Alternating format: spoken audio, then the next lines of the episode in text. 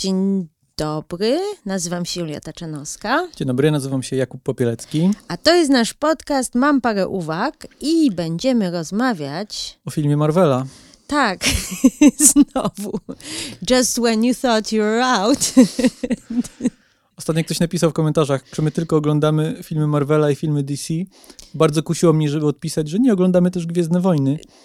tak. Ale myślę, że może powinniśmy zacząć od y, wyjaśnienia czy obietnicy, że w, w, podcaście Mam parę uwag nie będziemy rozmawiali tylko i wyłącznie o filmach Marvela. Nie, chyba, że, chyba żeśmy skończyli jak na ten moment, takie mam wrażenie. Też mi się tak wydaje. Na razie to jest Czarna Wdowa i, i, będzie długo, długo nic. Yy, No ale no nie mogliśmy nie porozmawiać No, o Czarnej mogliśmy. Wdowie, skoro dopiero co zrobiliśmy naszą mini retrospektywę Tak. wszystkich filmów MCU i tu akurat Czarna Wdowa pojawiła się na ekranach kin.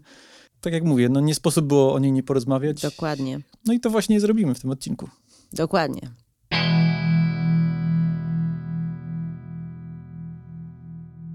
Dobra, to powiedz mi, a ty lubisz w ogóle postać Czarnej Wdowy? No to jest cie, ciekawe pytanie. Ja nie wiem. To jest postać bardzo, do której mam dość ambiwalentny stosunek, bo wydaje mi się, że to jest postać, e, która nie do końca jest postacią spełnioną w, w uniwersum Marvela, e, tym kinowym przynajmniej. No to jest postać, która dotychczas odgrywała jednak raczej taką e, drugoplanową rolę, która była taka nie do końca określona, trochę taka jakby migotliwa, No, ale najciekawiej był... wypadała wtedy, kiedy ta jej niedookreśloność była tematyzowana. No Mi się tak. wydaje, że najciekawszą wersją Czarnej Wdowy w wersji Scarlett Johansson jest Czarna Wdowa z Zimowego Żołnierza. No tam mamy ją przede wszystkim pierwszy raz pokazaną i ona jest postacią, bo w e, innych filmach, no e, ona się pojawia w, pierwszy raz w Iron Man 2 i tam właściwie jest trochę femme fatale, trochę taką seksowną, seksownym kociakiem. A trochę żartem. Trochę żartem, e, ma jedną dobrą scenę akcji, Mhm. ale właściwie nie, to nie jest postać, no, to jest, to jest pionek. Tak, no właśnie, a w Zimowym Żołnierzu mamy czas, żeby spędzić, z- mamy czas, żeby spędzić z nią trochę czasu, jakkolwiek głupio by to nie brzmiało. Steve Rogers spędza też z nią No, tak. dużo czasu i ona się przed nim trochę otwiera. I jakby no, rozbudowany jest ten dylemat relacje. tej właśnie nieokreśloności tej postaci. Tak. Tak. jakby ona mówi, że lata tej szpiegowskiej gry sprawiły, że ona do końca sama nie wie, kim jest, tak jakby, nie?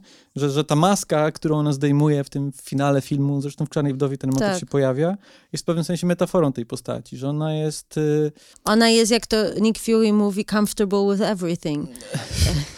w Prawda? pewnym sensie tak bardzo zatraciła się jakby w Tak. tej grze, że, że nie miała miejsca na zbudowanie własnej osobowości, co samo w sobie jest ciekawe, natomiast stwarza to poważne problemy, kiedy chcemy jakby jakoś poważnie Opowiedzieć opowiedzieć tę postać. Tak. Zwłaszcza y, kiedy w grupie Avengers ona towarzyszy innym takim bardzo precyzyjnie określonym postaciom, no, zwłaszcza Tony Stark, y, Roberta Downey Jr., no, czy, Tak. czy nawet pozostali bohaterowie. Y, tutaj z jednej strony Thor, z drugiej strony Kapitan Ameryka, Bruce Banner. Oni wszyscy są bardzo precyzyjnie określonymi bohaterami. No też dostali swoje solowe filmy, gdzie mogli być rozbudowani już. Tak, to prawda, że to po części wynika z tego faktu, że tak, że to jest film, na który y, czekaliśmy, czy, czy fani czekali i, i nie dostawali go latami.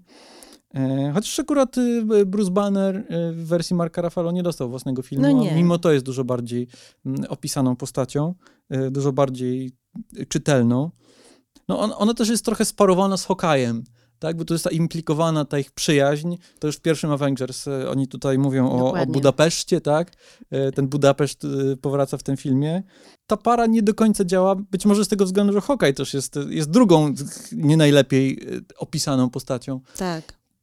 E, No i jeszcze jest parę takich fałszywych tonów, które były zagrane e, przy okazji e, Czarnej Wdowy. Tu myślę zwłaszcza o tej scenie z filmu Avengers Czas Ultrona.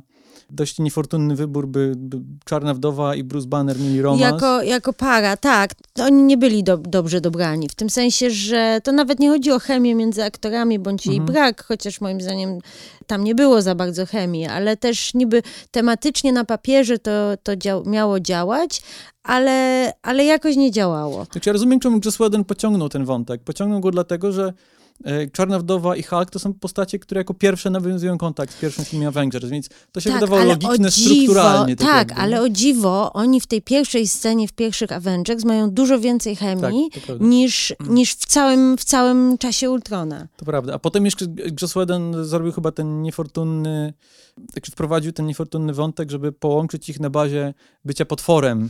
No tak. Tak, Bruce Banner, wiadomo, zielony olbrzym.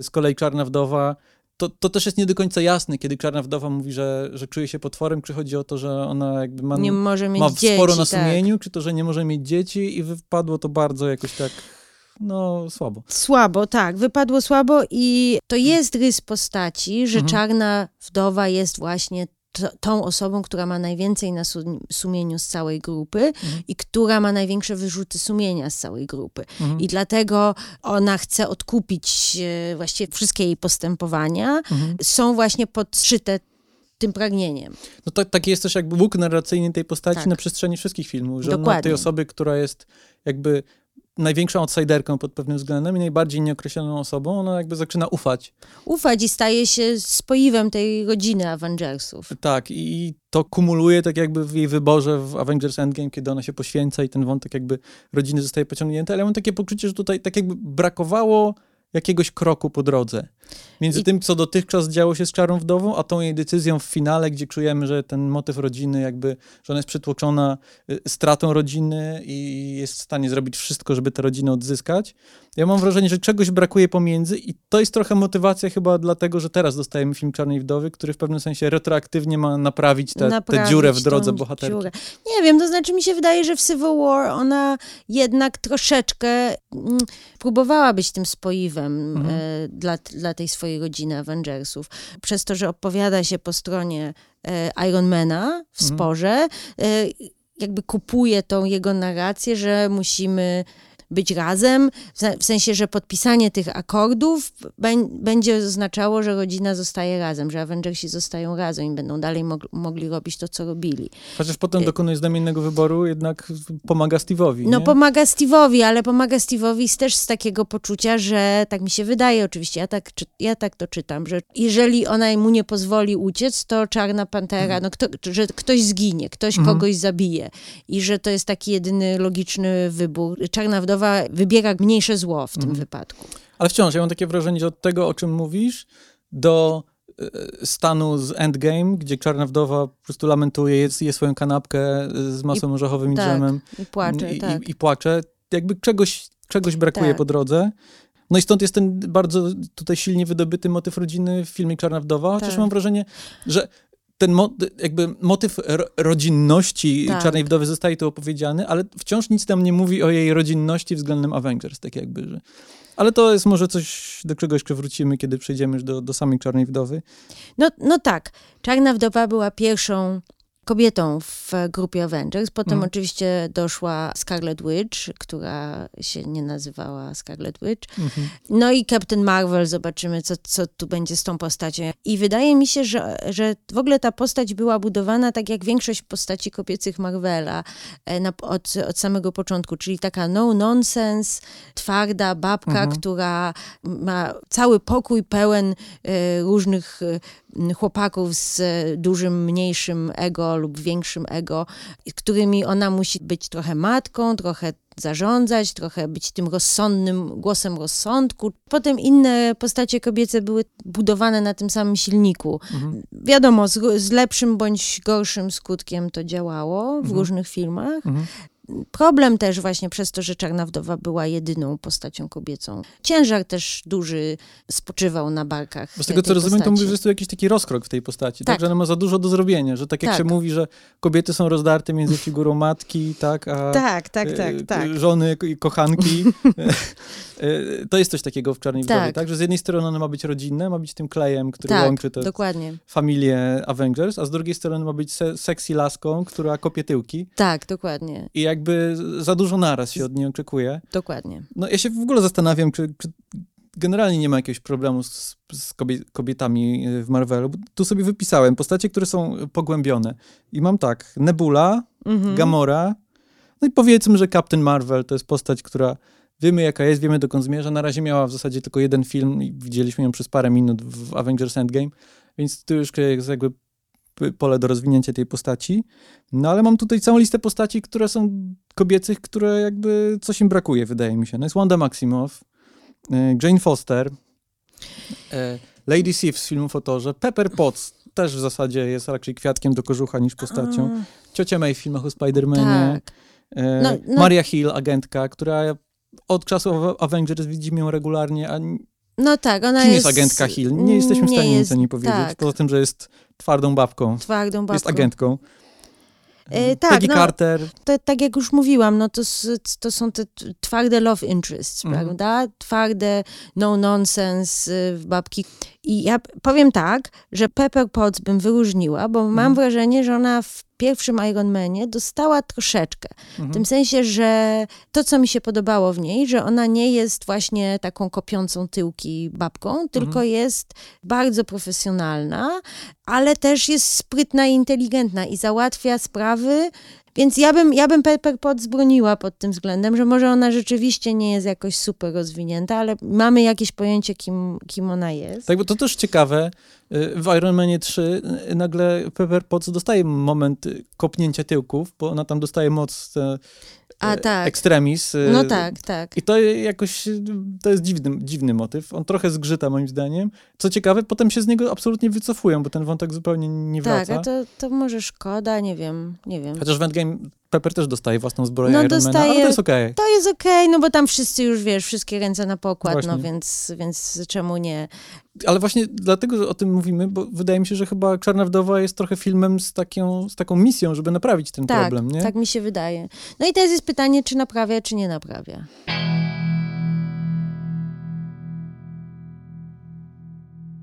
No to też jest to pytanie, czy, czy to faktycznie jest misja czy Kevin Feige i ekipa się po prostu poczuli, czy to są korpo priorytety y, wielkiej mm. korporacji, która usłyszała to, to, czego ludzie się domagają, więc daje nam to, y, bo wydaje mi się, że jest taki problem w Czarnej Wdowie, już tutaj jakby mm. zacznę przechodzić do filmu, jest taki, że mimo wszystko, y, mimo tych szczytnych idei i jakby tej misji, o której mówimy, to Czarna Wdowa wyciąga krótką zapałkę w tym filmie i zostaje niestety trochę przyćmiona i wciąż pozostaje trochę, trochę enigmą, trochę z boku, bo to jest też problem tych korpo, korpo priorytetów e, wielkiego studia, który z jednej mhm. strony robi to, co publiczność od nich chce, ale z drugiej strony no, musi budować fundament na przyszłość, więc tak okay, jest Czarna Wdowa, ale musi się pojawić Florence Pugh, która w przyszłości prawdopodobnie będzie kolejną Czarną Wdową.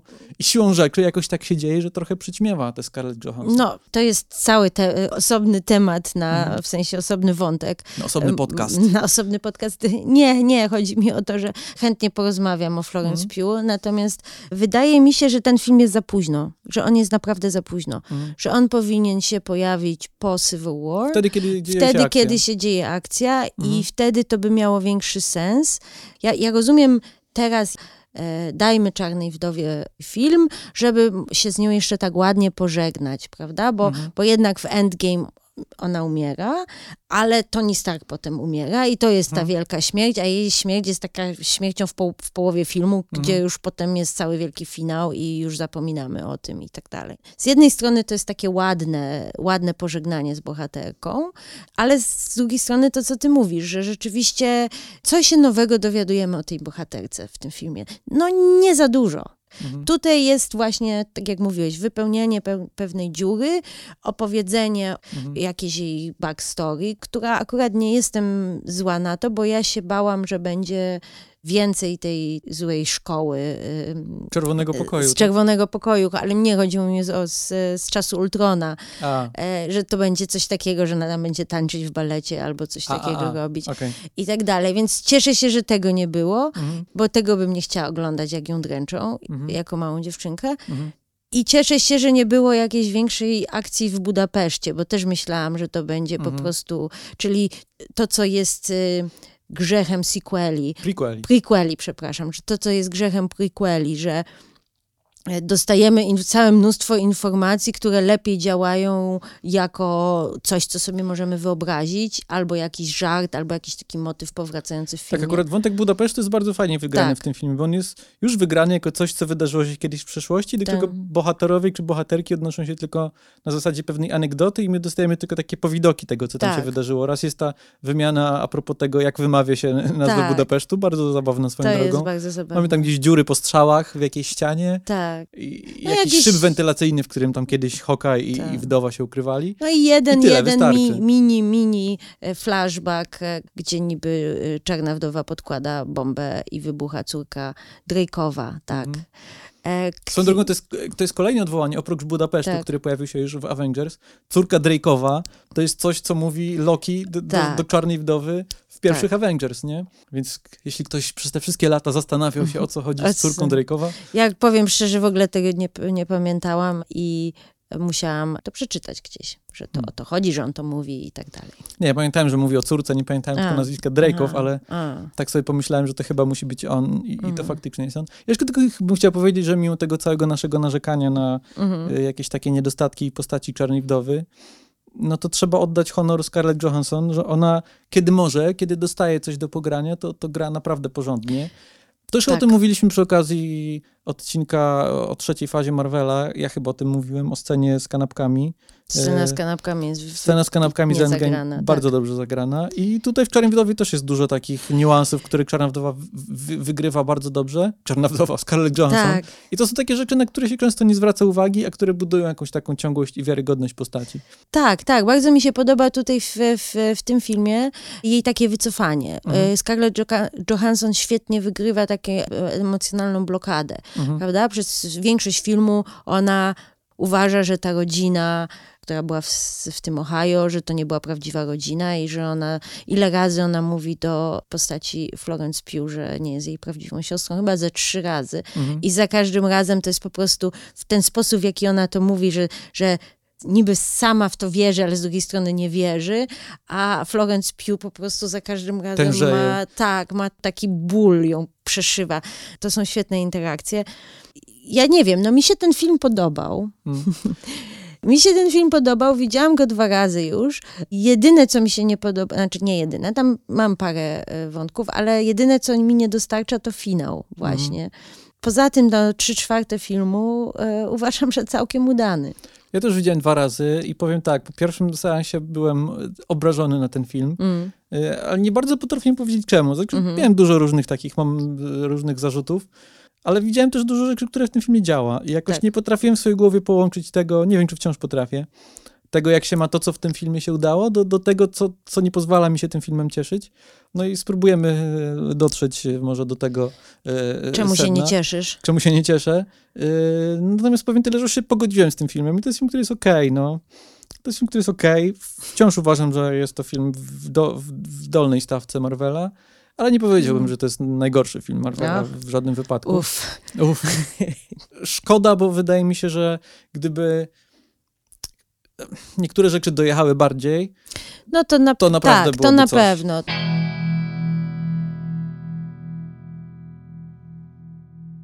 Słuchaj, więc y, mamy zaznaczoną, y, zaznaczony nasz pole konfliktu, wyraźne, ewidentnie. Więc może zaczniemy od początku. Tak. Ja muszę powiedzieć, że ja nie jestem fanką scen otwierających z dzieciństwa. Ja nie znoszę tego.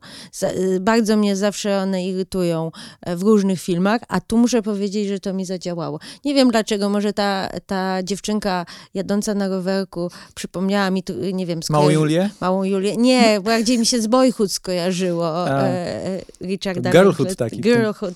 W każdym razie jakoś to tak było sfi sfilmowane ładnie i przedstawienie tej idylii, tego Aha życia rodzinnego. Takie mi się to wydało słodkie i urocze.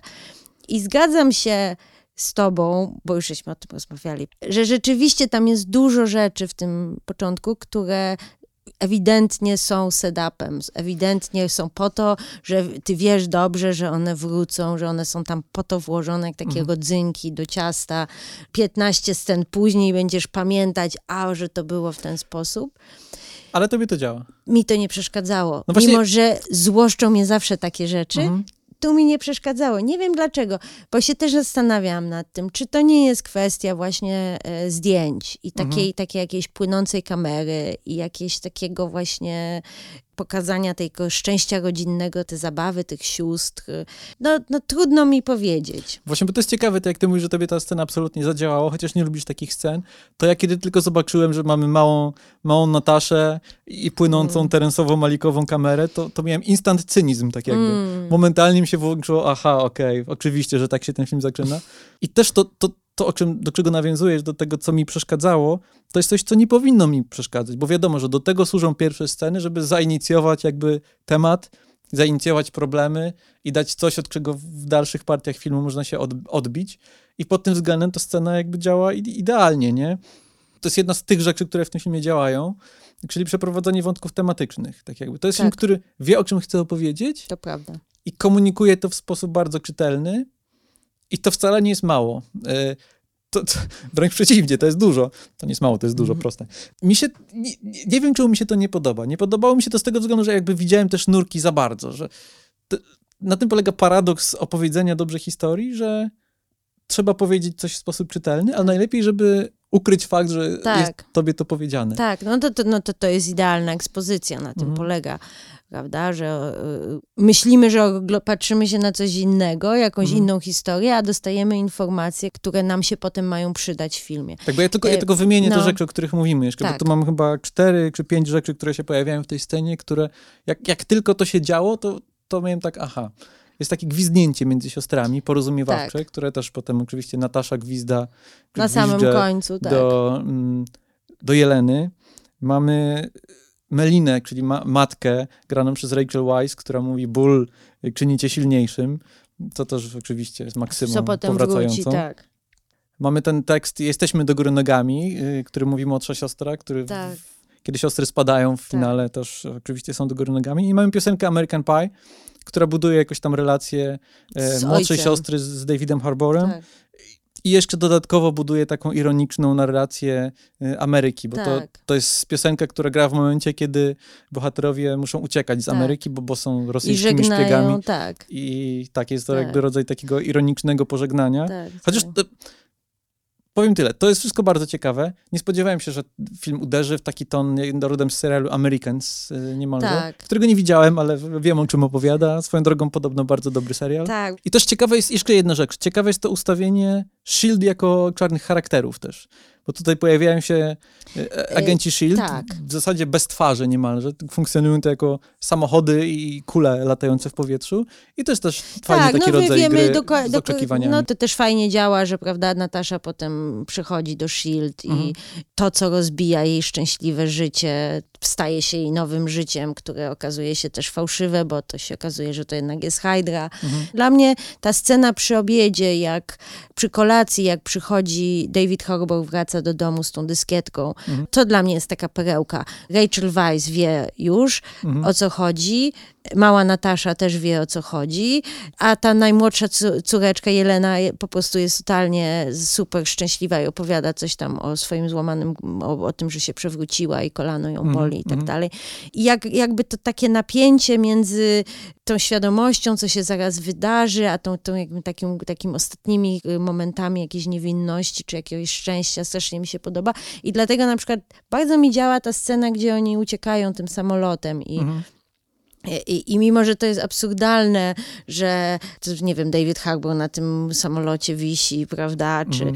okazuje się, że on właśnie ma super siłę i podrzuca tam jakiś wagon, czy coś mm. takiego, to wszystko jest takie wzruszające i ta stawka jest jakby mhm. wysoka dla mnie. Ja się naprawdę denerwowałam oglądając tą scenę. To właśnie tu, tu też miałem jakby odrzucenie wagonu bardzo mi się podobało, mm. było takim subtelnym znakiem, że to, jest, tak. to nie jest zwykły facet ale leżenie na skrzydle i strzelanie do ścigających są, że miałem takie poczucie za bardzo, nie? Że no, tak. ta taka realistyczna konwencja, tak. którą uruchomiliśmy pięknie w pierwszych minutach filmu, jakby momentalnie prysła.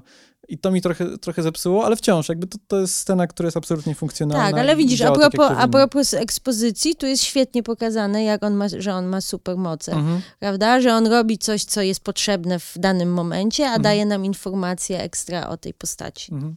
No to jest też ciekawe, jak ta idyla rodzinna pryska w zasadzie momentalnie, kiedy tylko oni lądują na Kubie. Tak. Nagle się okazuje, że David Harbour w zasadzie grał tylko rolę dobrego ojca. Tak, po prostu zależy mu na karierze i chce być super bohaterem. To jest jeden z problemów filmu, jakby jest nie, nie dość dobrze poprowadzony wątek tej potencjalnej śmierci Meliny, czyli mm -hmm. matki, tak. która zostaje postrzelona, gdzieś tam odwieziona i potem pół filmu później dowiadujemy się, że obie siostry myślały, że ona zginęła. Tak. O, czym my się nie, w, w, ogóle o tym nie wiedzieliśmy oglądając ten film. Co więcej, my oczywiście znamy zwiastuny, więc wiemy, że Rachel Weisz jeszcze, tak. no, jeszcze powróci, ale to, to, nie o to chodzi. Chodzi o to, tak. żeby zakomunikować nam fakt, że one jakby myślą, że pożegnały się ze tak. swoją matką, tak, tak, jakby, nie? To, to nie zostaje powiedziane w tym filmie, tak. wydaje mi się. A jeśli ktoś gdzieś o tym mówi, to niewystarczająco jasno. Nie, nie, nie przechodzi ten komunikat, to prawda. I to już jest śmieszny moment, pamiętam, że to mi zgrzytnęło momentalnie, bo kiedy rodzina jest zakonspirowana w Stanach, siedzą przy stole, mówiąc doskonałymi amerykańskimi akcentami. Tak. Kiedy lądują na Kubie, momentalnie zaczynają mówić po rosyjsku. To jest trochę tak. śmieszne. Ja wiem, ja wiem. Y, oni mogli rzeczywiście lepiej z tym akcentem pograć. Y, wydaje mi się, że to chodziło o to, że oni są tu zakonspirowani, mhm. a to mhm. już mogą być z prawdziwymi sobą, tak, prawda? Tak. Że tam udają, a tutaj nie udają. Ja ci powiem tak, mi nigdy nie przeszkadza, znaczy, nie to, że mi nie przeszkadza, mam gdzieś, czy ktoś ma akcent, czy nie, czy nie ma akcentu. Hmm. E, bardzo w, wielu recenzjach amerykańskich czy mm. anglojęzycznych, bo tam brytyjskich, e, czytam, że główny zły, czyli Ray, Ray Winston. Winston. ma fatalny rosyjski akcent i że to wszystkim strasznie Tak, to ludzie twierdzą, że zmienia akcent co, co słowo. E, tak, tak, tak. A, natomiast mi się wydaje, że to nie o to chodzi, że albo robisz coś jak Quentin Tarantino w Jasne. Bękartach Wojny, czyli każdy mówi w swoim języku, mhm. albo po prostu wszyscy mówią po angielsku i jakby godzisz się z tym, że wszyscy mówią w tym samym języku i jakby przestańmy robić z tego jakiś problem. Też mi się tak wydaje. To jest, to jest konwencja, że, to jest ta, po dokładnie, konwencja. szczególnie, że Scarlett Johansson mówi z pięknym amerykańskim akcentem mhm. e, przez cały film i przez wszystkie inne filmy. Jeszcze w ramach ciekawostki może mhm. tutaj tylko podam Młodą Nataszę gra Ever Anderson, córka Mili Jowowicz i, i Paula W.S. Andersona. No tak, tak, tak. Nawet, nawet powiem ci szczerze, że jak wygląda jak mała Mila, co? Dokładnie, dokładnie. Ale... To było moje pierwsze skojarzenie. Ale zupełnie nie wygląda jak mała Scarlett. Nie. To jest problem, bo znamy Scarlett jako dziecko. Mm -hmm. Scarlett przecież od, od, od, młodych lat gra w filmach. Y, tak. Zaklinak Szkoni chociażby. No tak, tak. E, no nie, nie, nie wyglądała tak. No nie wyglądała tak. Ale to jest też rodzaj jakby konwencji. Dokładnie, nie? dokładnie po dosyć dramatycznej, przykrej sytuacji w, na Kubie wchodzi czołówka, co też jest dosyć nietypowe dla Marvel Studios, bo oni zwykle dają czołówkę na koniec. Faktycznie, oni nie mają czołówek. Nie, oni, oni wjeżdżają, jest logo i jedziemy, jedziemy. Czasem z, pojawia się tytuł. Tak, tak. Z jakąś tak. taką fanfarą, Tak, nie? tak, tak. Zwykle przy Avengers, Aha. prawda? A tutaj mamy czołówkę y, dosyć ponurą która pokazuje, jak te dziewczyny zostały wywiezione w jakichś kontenerach i daje taki vibe trochę handlu żywym towarem. I po co? Y, David Harbour mówi do swoich dziewczynek na pożegnanie, wszystko będzie w porządku, a mm. potem wjeżdża czołówka i widzimy, mm. że w sumie nic nie jest w porządku, wszystko jest mm. okropne. To jest ciekawe właśnie pytanie. Może wrócimy do tego przy okazji Davida Harbora. Na ile on jest świadom, tego, co czeka się... te dziewczynki? Mm. Czy on to mówi po prostu, żeby je uspokoić? Tak samo tak. jak włącza American Pie, kiedy tak. jadę samochodem, to, to, nie włącza tej piosenki, żeby zrobić piękny bonding z młodszą córką. On robi, włącza tę piosenkę po to, żeby odwrócić jej uwagę po prostu, tak. uspokoić. I pytanie, czy, czy to wszystko będzie w porządku na pożegnanie, też jest y, jakby cynicznym zarządzaniem po prostu tymi córkami. Czy on jest na tyle naiwny, że jakby nie wie, co, co jej czeka dalej? To jest bardzo ciekawe pytanie, to jest na pytanie, które... To jest w ogóle pytanie o tę postać, tak, ale tak bo to samo, to samo można powiedzieć na, um, o postaci granej przez Rachel Weisz, dokładnie mhm. to samo, że ona też właściwie nie była świadoma, to się dowiadujemy potem przy tej drugiej scenie kolacji czy posiłku, mhm. gdzie ona się dowiaduje, że Jelena była jedną z pierwszych testowanych właśnie mhm. przez metodę, którą ona wymyśliła, czy ukradli, czy tam Y, tak, to jest chyba ta dyskietka, którą Tak, tak, tak, tak, tak. Shield, a tak naprawdę Hydrze... tak. Bo to jest pytanie, które powinno być mhm. wyjaśnione przez film a nie zostaje. Ja oglądając to myślałam, że oni po prostu, że on po prostu jest naiwny i że, mhm. znaczy to było moje takie myślenie, że on po prostu nie wiedział o tym, co się wydarzy i co oni z nimi zrobią i po prostu on chciał robić swoją karierę, robić swoje wspaniałe, wspaniałe heroiczne rzeczy i miał w nosie swoją godzinę.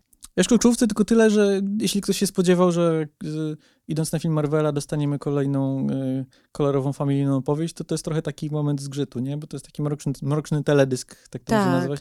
Smells Like Teen Spirit Nirwany w takiej jakiejś bardzo po, powolnej takiej y, wersji. Teraz jest taka moda też chyba w zwiastunach, często są jakieś klasyki w takiej mroczniejszej, poważniejszej, tak, dziwniejszej, spokojniejszej, tak. dziwniejszej wersji. I tu mamy coś takiego. No i to działa. No, dobrze nam pokazuje w takiej kapsułce jakby... E, Co się z nimi dalej na potoczyło. czym polega mroczny tak. los e, wdów, czarnych wdów tak, w liczbie mnogiej. Tak, i potem właśnie to takie ucięcie, i gdzie Natasza pojawia się na na łodzi. Bardzo mi się podoba w ogóle ta scena, gdzie myślimy, że tutaj zły generał Ross idzie po nią, a to się okazuje, że ona jest zupełnie gdzieś indziej. I fajnie to jest montażowo zrobione. Nie wiem, czy zwróciłeś uwagę na to, że to jest cięte równolegle, ale mhm. w bardzo inteligentny sposób, że oni, ona otwiera drzwi w tym samym momencie, co oni otwierają drzwi. I jest taka, tak jakby bardzo taka płynna, płynne pokazanie, że nie, ona jest zupełnie gdzie indziej i w zupełnie jakby innym otoczeniu i, i świecie świecie i to mi się, bardzo mi się montaż podobał w tym filmie. To ciekawe. E, to może to jest moment, żeby, żeby wywołać e, o, wilka z lasu. Bo dawaj. Nie wiem, czy nie za szybko. Bo to jest mój główny problem z tym filmem. Tak. Właśnie montaż. O, Moim zdaniem to jest, to jest, tragicznie zmontowany film. O kurde. Ale może najpierw, zanim przejdziemy do, do zarzutów, to może Aha. opiszmy bardziej styl tego filmu, jakby, bo to no jakby tak. gładko wprowadzi motyw no montażu. Bo tak jak e, zacząłem mówić o tym, o tej czołówce, która jest takim tak. zgrzytem, jeśli ktoś oczekuje familijnego, kolorowego, Disneyowego tak. Marvela, no to styl też jest jakby nie tym stylem, który się wydaje takim wzorcowym stylem. Tak. To jest styl, co prawda to jest styl, który został już wcześniej wprowadzony w uniwersum Marvela, czyli styl zimowego żołnierza, mówiąc tak. krócej. I to jest styl bardzo dobrze sfunkcjonalizowany, bardzo dobrze y, dopasowany do postaci Czarnej Wdowy. No tak, no ona jest szpiegiem, a tutaj mamy nawiązania do najlepszych e, filmów szpiegowskich, do całej trylogii filmów Bornie, czy tam... Teraz tam... to już jest chyba kwadrylogia? Kwadrylogia. No do filmów, e, do filmów z, z, e, obornie, do Jamesa Bonda troszeczkę no Nawet mamy Nataszę oglądającą Moonrakera. Tak, tak i okazuje się, że ona zna dialogi na pamięć, co też jest dosyć zabawne. No trochę Mission Impossible, no mhm. jakby ten film przypomina e, te filmy, e, szczególnie na przykład ta cała, cała sekwencja w Budapeszcie, która mhm. mi się bardzo z Bornem skojarzyła, mhm. gdzie ona wysiada na, na dworcu, co oczywiście też Born zawsze jest na dworcu jakimś, podróżuje pociągami. Ten Budapeszt i też e, jakby bardzo, bardzo w klimacie. To jest, ja tu mam całą wyliczenkę scen, które mi się kojarzą, ale, ale najbardziej właśnie, najbardziej ten Born. Tak, ja już to mówiłem chyba w, w Movisie, gdzie, gdzie dyskutowaliśmy o tym, e, o tym filmie, e, bo ja tu widzę jakby wprost wątki przepisane, mhm. nie w sensie ukradzione, to są takie klasyczne szpiegowskie wątki, ale przepisane z dwóch części o Bornie, z Krucjaty mhm. Borna, czyli drugiego filmu i Ultimatum Borna, czyli trzeciego filmu, bo w Krucjacie Borna głównym takim motywem napędowym było to, że Born czuł się winny po jednej ze swoich misji, że czuł, że musi mhm. odkupić swój grzech. Tak. On tam zabił rodziców pewnej dziewczyny i jakby tak. w finale filmu ją przepraszał. I tutaj tak, mamy tak. podobną relację między Nataszą a pewną postacią, o której zaraz będziemy mhm. Y, mówić. Natomiast y, wątek z, z, z ultimatum Borna, no to jest motyw konfrontacji ze, ze złym ojcem, który jakby zmienił bohatera w maszynę do zabijania. No i tutaj w tej roli jest oczywiście Drake'ow. E, więc ten Born jakoś tak najsilniej w tym filmie jest czytelny, także przez pracę kamery, która jest taka bardzo dynamiczna, bardzo taka szarpana. Tak, dokładnie. Montaż e, bardzo taki no może nie aż tak, e, no aż nie tak drastycznie tak jak u Paula Greengrassa. Tak, tak, tak. Paul Greengrass miał wielu naśladowców. E, ludzie myśleli, że wystarczy... Niewielu odniosło e, sukces. tak, dokładnie, bo wielu mhm. myślało, że wystarczy po prostu szybko coś pociąć i już mhm. będzie ten efekt. Natomiast mhm. jeżeli się ogląda filmy, sceny, szczególnie sceny walki Paula Greengrassa, to absolutnie zawsze wiesz, co się dzieje i mhm. masz świadomość, to jest taka mini dygresja.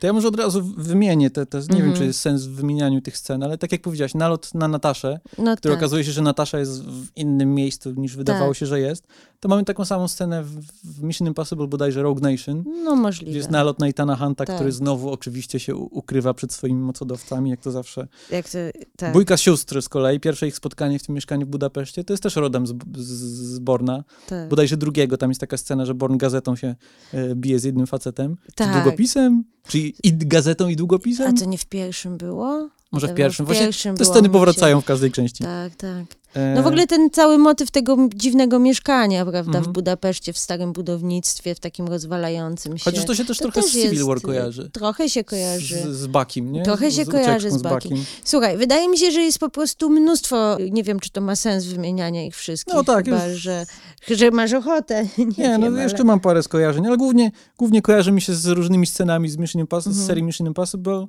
z serii Obornie, ewentualnie z Zimowym Żołnierzem Mhm. albo Civil War. Tak. I tutaj ka każdej scenie niemalże można przyporządkować odpowiednik z którejś z tych serii, o których wspomniałem. I to jest jeden z moich problemów z tym filmem, mianowicie taki, że ten film w jasny sposób jakby uruchamia te skojarzenia i niestety te sceny nie są tak dobre, jak te sceny, z którymi się kojarzy. Wiesz co, ja miałam dużo frajdy z tą całą sekwencją w Budapeszcie, naprawdę. Mhm. Jedyny, jaki mogę powiedzieć, miałam zarzut, to to, że on jest dosyć nieprawdopodobny pod względem tego, że Nataszy się ciągle nic nie dzieje. To znaczy ona robi, ona nie jest super, ona jest zwykłą osobą, ona nie jest Taki super. samochód zostaje trafiony rakietą Tak, raz, potem drugi raz, po- koziołkuje sto razy. Koziołkuje, ale też ona tam spada z jakiegoś dachu i, i tak dalej, i potem wstaje i ucieka Tak, to jest coś, co tak zwykle dalej. Spotyka kapitana Amerykę, ale w jego wypadku on jest super żołnierzem, tak? Tak, tak, tak, tak, więc się mu się tam nic nie łamie i, i on może spadać z wysokości, Mhm. e, co jest spoko. A, a tutaj miałam takie wrażenie, no to, to może troszeczkę jakby to zdjęli, troszeczkę tą skalę tego, tego spektaklu e, Mhm. i, i zrobili to bardziej jeszcze takim jakby uziemionym, Mhm. to, to byłoby lepiej, no. To jest mój, jeśli miałbym wskazać największy problem tego filmu dla mnie, to właśnie są te sceny akcji, podczas których ja się absolutnie wyłączałem. Mhm. Jakby zu, zupełnie nic mi te sceny nie robiły, nudziłem się i tylko czekałem, aż się skończą. Y, Dużo lepiej działały mi te wszystkie momenty emocjonalne, momenty między bohaterami, momenty Tak. przystojów.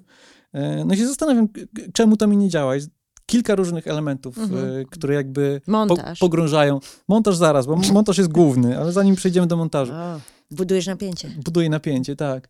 Pierwszy problem to jest Taskmaster. Czarny charakter, o, więcej trochę o nim powiemy, ale jego problem z nim jest taki, że on nie stwarza szczególnego zagrożenia. On jest totalnie zmarnowany. To jest- Zmarno, Zmarnowany potencjał, zmarnowana postać. Czy tematycznie to, to działa? Tak, bo ta postać funkcjonuje trochę jak y, zimowy żołnierz w filmie Tak. Kapitan Ameryka Zimowy Żołnierz.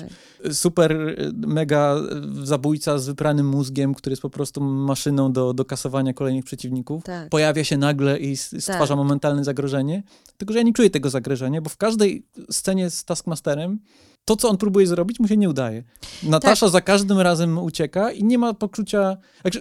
Te, ta pierwsza scena działa najlepiej. Tak. Nie? Pierwsze jego pojawienie się. Tutaj ewentualnie ewidentnie przez pewien moment przynajmniej czujemy jakiś rodzaj zagrożenia i że Tak, i fajnie jest to, to odwrócenie w tej scenie tego, że Natasza myśli, że on, że po nią ktoś przyszedł, a okazuje się, że to nie po nią, tylko Mhm. po te fiolki.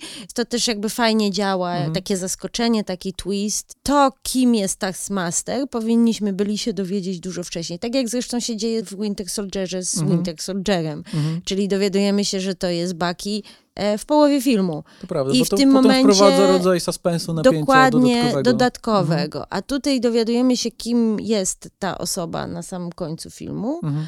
Przez co wszystkie sceny wcześniej są jakieś takie bez, bezpłciowe, w tym sensie, że bezpłciowe, płaskie, ponieważ wiemy dobrze, że ani Taskmasterowi, ani zresztą naszym bohaterkom nic się nie, nie stanie Mhm. właściwie.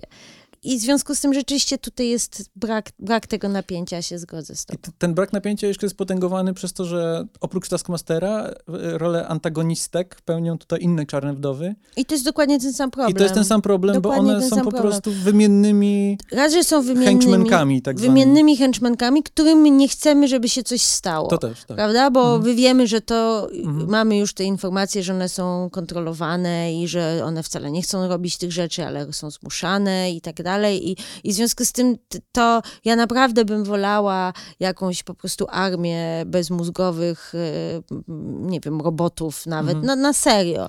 I czy to akurat mogłoby być ciekawe, jakby kiedy bohaterki walczą z kimś, kogo nie chcą tak naprawdę skrzywdzić, ale to w ogóle nie jest wygranie, nie, nie? nie jest wygrane, ale my mamy to w świadomości, więc to jest nieprzyjemne. Mhm. W sensie nie, nie, ma, nie ma się frajdy z patrzenia na, na to, jak kobiety piorą się po twarzy. E, No i mam trzeci problem z tym filmem, czyli, czyli montaż, który tutaj... Ach, bring it. Nie wiem jak zacząć. Generalnie wydaje mi się montaż bardzo niechlujny, bardzo, Ale w co, bardzo ale taki w C... kulawy, rytmiczny, w scenach akcji w scenach zwłaszcza, akcji. ale nie tylko. Właśnie to jest też ciekawe. rozumiem jeszcze, czemu montaż jest, y, czemu sceny akcji są tak kręcone. Mhm. Nie rozumiem, czemu kręcone są w bardzo podobny sposób sceny rozmów.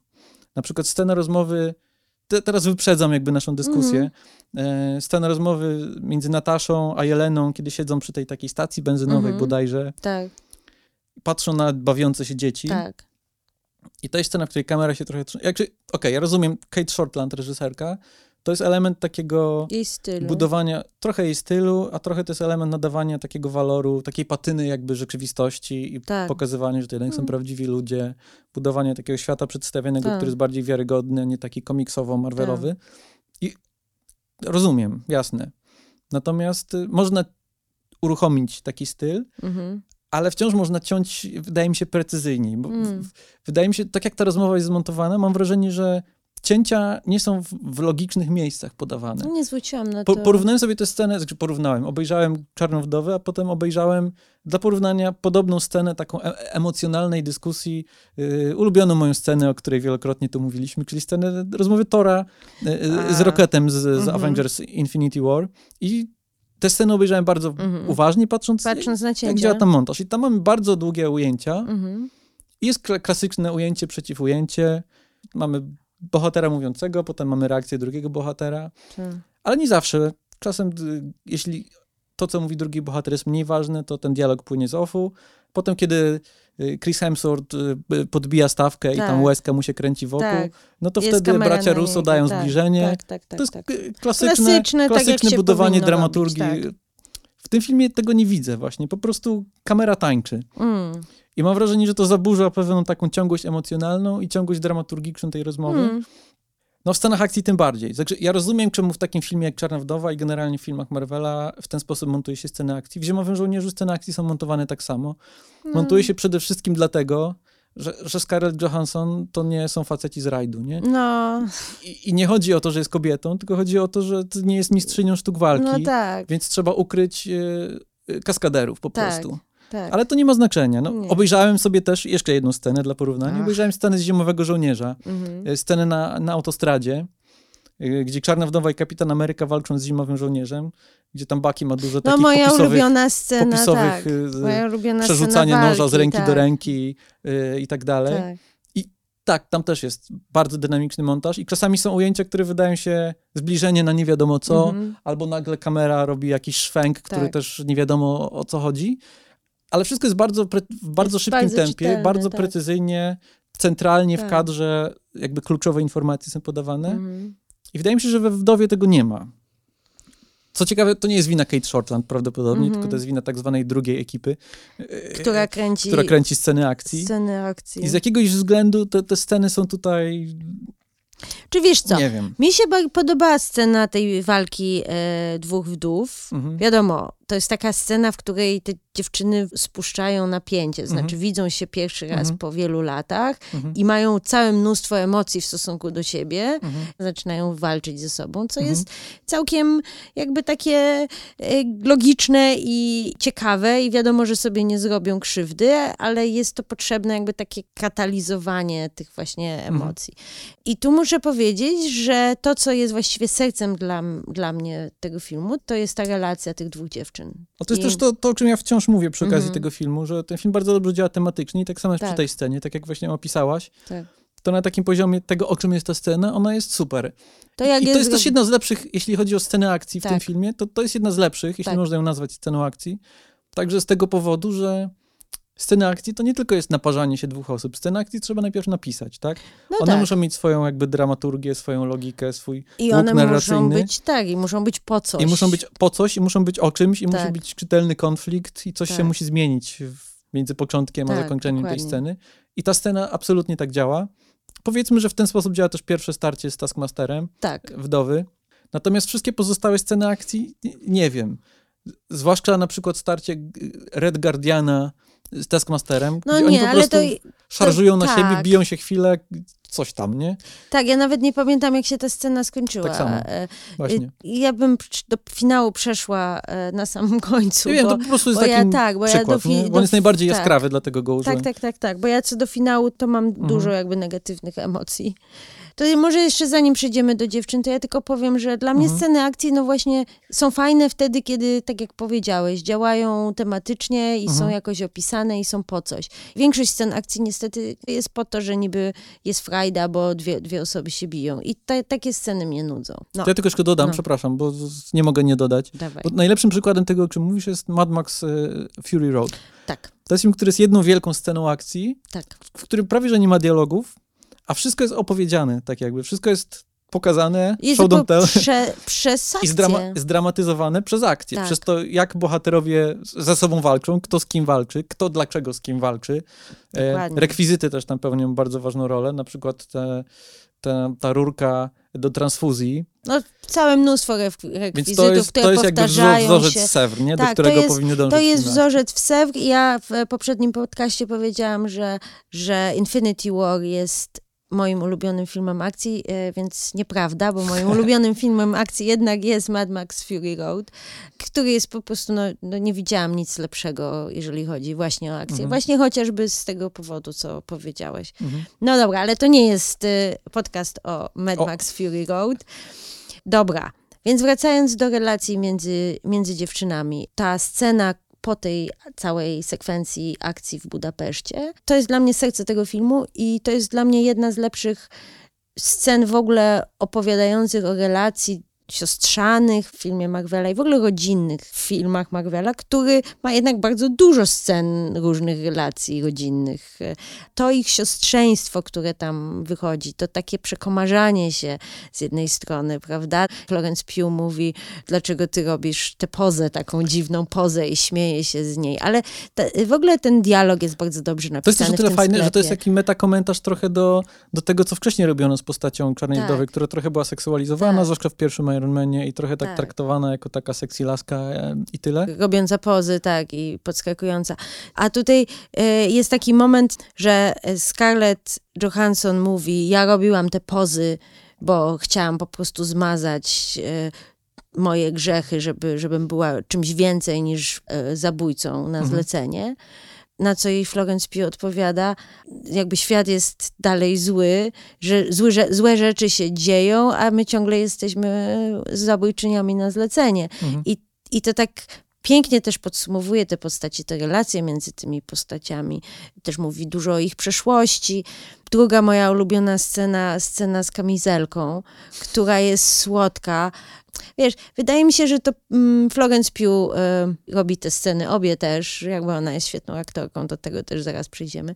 Ale ta scena z kieszonkami, gdzie ona jest taka dumna z tego i to, i to też jakby, jeżeli chodzi o feminizm i o to, że o, laski rozmawiają o ubraniach, to nie No chodzi właśnie, o no właśnie się ubranie. zastanawiałem. Właśnie To nie się chodzi o ubranie. Ona mówi tam wyraźnie, Mhm. to jest mój wybór. Ja pierwszy raz dokonałam jakiegoś Mhm. wy wyboru i kupiłam coś, no bo jeżeli traktujemy nasz strój i kobiety i mężczyźni jako wyraz pewnej swojej osobowości i Mhm. siebie, że kupujemy to, co lubimy i to w pewnym sensie mówi światu, kim jesteśmy, Mhm. to kupienie tej kamizelki, wyrażenie siebie w ten sposób, prawda, która ma, jest bardzo praktyczna, ma dużo kieszonek i tak dalej, i jest, jest jakby takim manifestem w pewnym sensie. To mi też się kojarzy taka sce, scena z filmu The Duchess e, Holendrzy. The Duchess, e, czyli księżna z... E, Knightley. Jest scena, gdzie Ra- Ralph Fiennes rozbiera Keira Knightley i mówi, o kobiety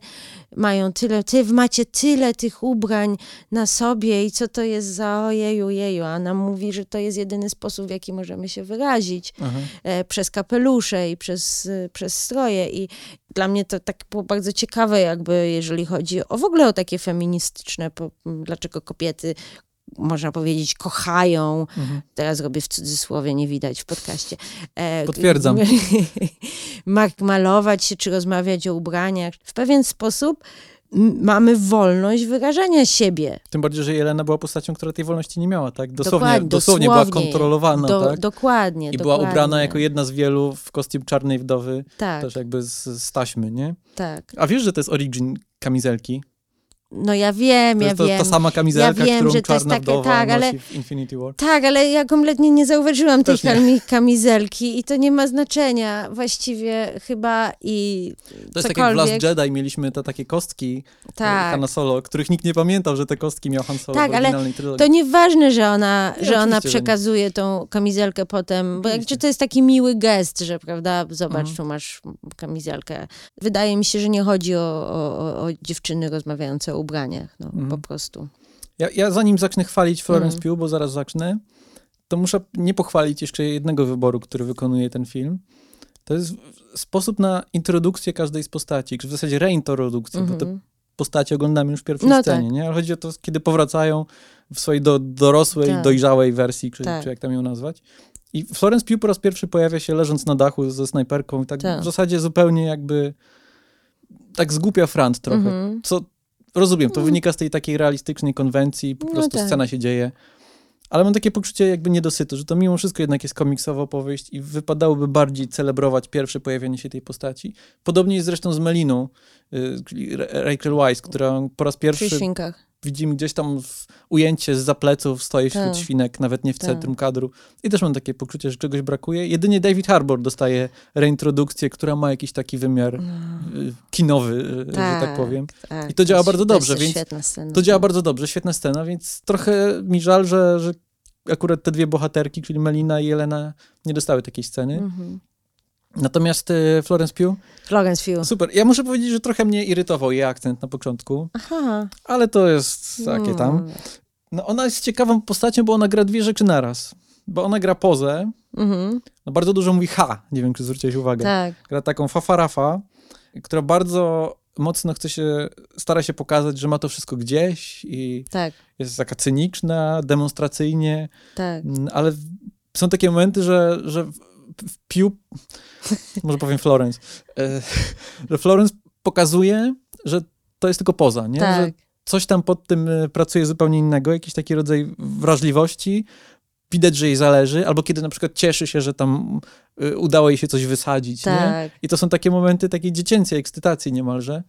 I to fajnie pracuje w relacji między siostrami, gdzie Florence jest tą młodszą siostrą, która musiała dorastać w cieniu Nataszy, która nie dość, że była starsza, nie dość, że była super zabójczynią, to jeszcze przeszła na drugą stronę i Tak, stała się i jedną z jeszcze- Avengers. Tak, jeszcze Mhm. jest na okładkach e, czasopism, prawda, i tak dalej.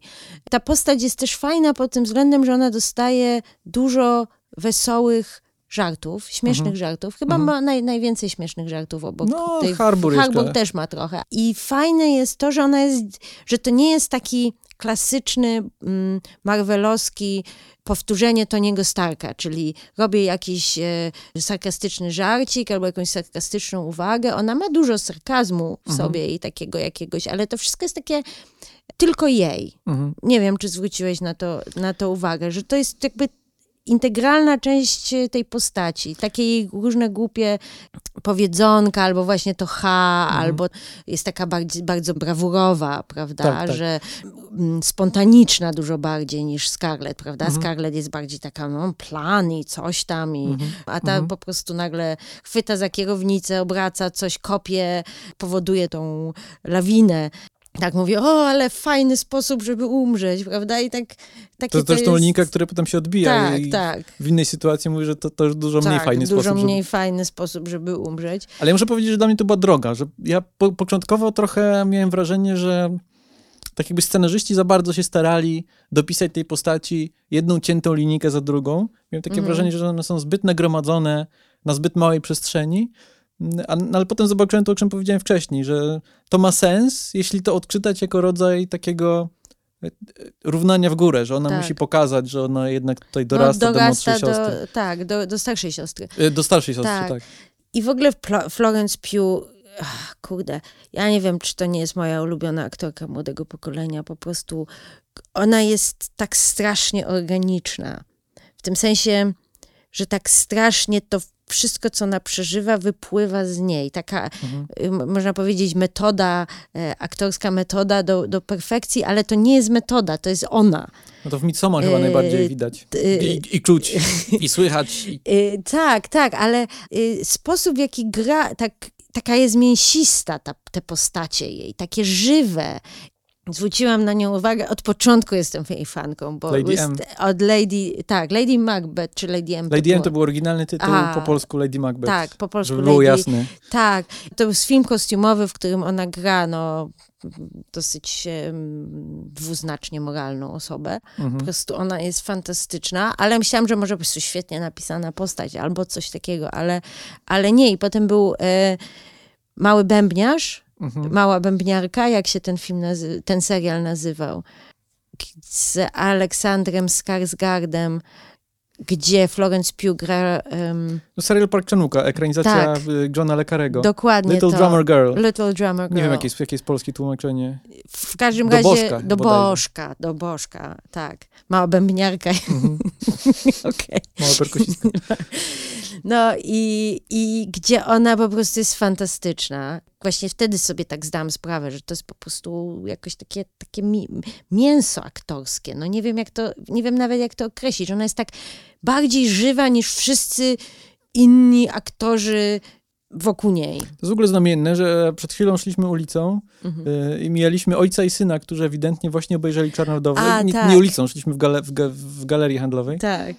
I oni rozmawiali o filmie i właśnie chwalili Florence Pugh chyba. Tak, dokładnie tak było. Ta, ta młodsza siostra, mówili, ta Mhm. młodsza siostra była świetna, tam reszta film taki sobie, ale Mhm. tak, tak. Ja muszę powiedzieć jeszcze, że Florence Pugh y, jest y, autorką mojego ulubionego momentu w tym filmie. Mhm, I to jest scena tego powtórnego obiadu rodzinnego, kiedy po, tak, po latach jakby dochodzi do no, re- reunion, tak? tak. Bohaterowie siadają przy stole w tych samych pozycjach, w których siedzieli w, w otwierającej film scenie. Mhm. I tam jest kłótnia, y, trochę przekomarzanek y, i tak dalej, i Tak. tak dalej. I w którymś momencie, tak jak już wcześniej mówiłaś, że e, Natasza bardzo demonstracyjnie mówi, że co ty, w, w, o czym w ogóle mówicie? To nie była żadna rodzina, nie? E, I Florence Pugh robi te swoje emocje, tam jej warga drga tak. e, i mówi, że dla niej to było prawdziwe i wstaje i wychodzi. I to jest jakiś taki bardzo, bardzo, Mocny. bardzo mocny, bardzo prawdziwy moment. Ja jeszcze ci powiem, na finale jest y, mój, jeden z moich ulubionych jej, jej momentów, e, gdzie właśnie jest odwrócenie tej sytuacji, gdzie Natasza mówi do niej, dla mnie to też było prawdziwe i ona Mhm. tak po prostu, jak tak się rozpływa, jak w środku widać, że pękają jej po prostu wszystkie emocje i wychodzą i, i tak przytula się do, do swojej siostry. Aż, aż, mnie, aż mnie ciarki przechodzą. No, to jest wybitna aktorka i nie mogę się doczekać kolejnego filmu z nią. I to Marvel, nie Marvel, cokolwiek, cokolwiek, w czymkolwiek ona nie zagra, ja y, będę, będę w, w pierwszym rzędzie. No z racji seryjnej natury uniwersum Marvela, przynajmniej w tej roli jeszcze chyba nie raz ją zobaczyć. Tak, ale strasznie mnie cieszy, bo to jest fajna postać. Ona Mm. stworzyła naprawdę fajną postać. No dobra, skoro, skoro mówiliśmy już o Jelenie, to możemy powiedzieć o Aleksieju, bo oni mają taką scenę bondingu przy, przy bondingu. American Pie. No to jest ciekawa postać. To jest figura Tak. Mako, którego czas się skończył. Tak, to jest odchodzi bardzo... do lamusa. Taka trochę parodystyczna wersja Kapitana Ameryki w pewnym sensie. Tak, no, w Kapitan Ameryka jest jego głównym przeciwnikiem przecież. To- Jeszcze takie od echa tej zimnej wojny, prawda? Mhm. O, o, w ogóle, na, nie wiem, czy zauważyłaś, na palcach ma wytytułowane. Karl Marx. Tak, zauważyłam. Tak, i ma takiego wielkiego orła rosyjskiego, no i tam tatuaż z tyłu mu, mu się robi. Bo to też jest postać dosyć tragiczna.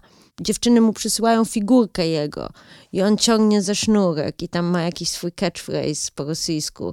To jest taka, taki smutny wniosek, co Amerykanie robią ze swoimi bohaterami, a jak Rosjanie traktują swoich e, bohaterów, bo przecież gdzie go spotykamy? Spotykamy go w więzieniu, w No którym tak, no odsiaduje... Poszedł na, na całego, dał z siebie Tak. wszystko, wytatuował sobie nawet Marksa e, na Tak. palcach, a w podzięce trafił, Trafił do, do, do, jakiegoś strasznego na Syberii gdzieś więzienia, Mhm. gdzie to jest super urocza scena, jak on tam e, siłuje się na rękę z innymi więźniami i jeden przychodzi taki największy i już myślisz, o nie, on na pewno go pokona i mówi coś tam, twoja opowieść o kapitanie Ameryce nie ma sensu, bo przecież on wtedy był zamarznięty w tym roku, co to się wszystko Mhm. wydarzyło. Mhm. Tamten natychmiast łamie mu rękę, co jest pokazaniem jego ego dosyć i tego, że jednak ma tą siłę i że ciągle jest tym super żołnierzem gdzieś tam. Tak, ale bo z jednej strony rozumiemy tę postać i współczujemy mu, przynajmniej w tym aspekcie, o którym Tak. teraz mówimy, ale z drugiej strony to jest ta jego blokada jakby do przekroczenia, że on jest więźniem tej swojej przeszłości, Tak. tych swoich marzeń o, o wspaniałości, o byciu przeciwnikiem Kapitana Ameryki i gwiazdą Związku Radzieckiego. No i pytanie, czy, czy to jest sedno tej postaci? Czy on jest po prostu egoistycznym, patriarcha, patriarchalnym, egoistycznym psychopatą? Czy to jest tylko maska? Albo jakiś zły nawyk, a pod nim kryje się faktycznie jakiś czuły facet, który faktycznie kocha te y, dziewczynki, te swoje przybrane córki. Tak. No, tam są dwie sceny. Moim zdaniem ten film właśnie za słabo odpowiada na to pytanie, mhm. które właśnie zadałeś. I są dwie sceny klucze, można powiedzieć, do tego. I nie mówię tutaj o scenie American Pie e, mhm. z Florence Pugh. Nie, to jest scena, która na nic nie, nie tak. odpowiada na żadne pytanie. To, to, to jest tak, jak wcześniej się zastanawiałem, czy ta scena, w której on mówi dziewczynkom będzie dobrze, mhm. Czy to jest jakby rodzaj empatycznego, tak. szczerego odruchu, tak, tak, czy to tak. jest rodzaj cynicznej kontroli tak. sytuacji? To z tym American Pie ja wciąż nie, nie jestem pewien. Moim zdaniem robi. to jest, to, to było troszeczkę za, za słabo wygrane, mhm. E, że ta scena nie, do, nie, nie dowiozła tak do końca, moim zdaniem. Mhm. Natomiast to, co dowozi, znaczy dowozi, to jest ta scena, w której lądują tym helikopterem, czyli ten helikopter spada, prawda? Mhm. I oni idą po wrzosowisku. Klasyczne cięcie montażowe też. Tak, Na tak. pewno dolecimy. Tak. Cięcie łuk. No, no, ja lubię takie. No też, też, oczywiście. Tak. To dobra scena. I mamy scenę na tym wrzosowisku, gdzie on mówi tym dziewczynom o że jest z nich, ich dumny. Że nie jest, tak, że jest z nich dumny. I z nich dumny właśnie nie z tego, z czego one są dumne z siebie, mhm. prawda? Czyli właśnie z tego, że są super świetnymi zabójczyniami i że są takie właśnie ekstra. Tak, on jest ich dumny ze złych powodów. Ze tak złych jakby. powodów, tak. I, i, I widać ten fajny, fajny rozdźwięk między właśnie starym pokoleniem a nowym pokoleniem. Może między, między tym właśnie takim jego myśleniem macho, że świat właśnie opiera się na tym, że kogo, komu jesteś w stanie dać w zęby najmocniej, prawda? Mhm. A a, tym, że te dziewczyny bardziej chcą, chcą innego życia dla siebie i są bardziej właśnie empatyczne i chcą pomagać światu, a nie walić go w zęby. I to jest dla mnie jedna, jedna scena. A druga scena jest, i moim zdaniem ona jest kompletnie popsuta. Scena w celi. Scena z celi w finale, gdzie on przeprasza. I okazuje się, że nie przeprasza tą osobę, którą e, miał przeprosić. I mhm. tu jest taki klasyczny Marvelowy, mamy patetyczną scenę, utnijmy ją żartem. Mhm przegryźmy ją żartem.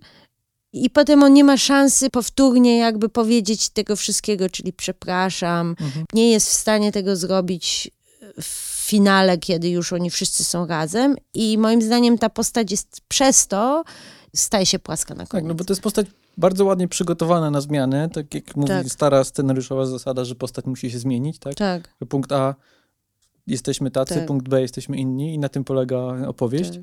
E, konflikt zostaje roz, rozpracowany, mhm. przepracowany, to on jakby startuje dobrze, ale czegoś brakuje. No jakby potencjalnym tym punktem przełamania jest, tak jak mówisz, ta scena wyznania e, w celi, ale ona zostaje wygrana dla żartu, i potem jeszcze jest moment, to, to, na co ja wcześniej narzekałem, czyli jego pojedynek z Taskmasterem, to też jest potencjał jakiegoś takiego katarzis heroicznego być może, że on jednak... Poświęca się poświęci. albo Ja, ja komuś, przez cały film myślałem, tak. że on będzie postacią, która się w heroiczny sposób poświęci tak. i odejdzie, I... ale jednak w takiej aurze chwały. Prawdziwego bohatera, prawda? Takiego, którym on zawsze chciał być, mhm. prawda?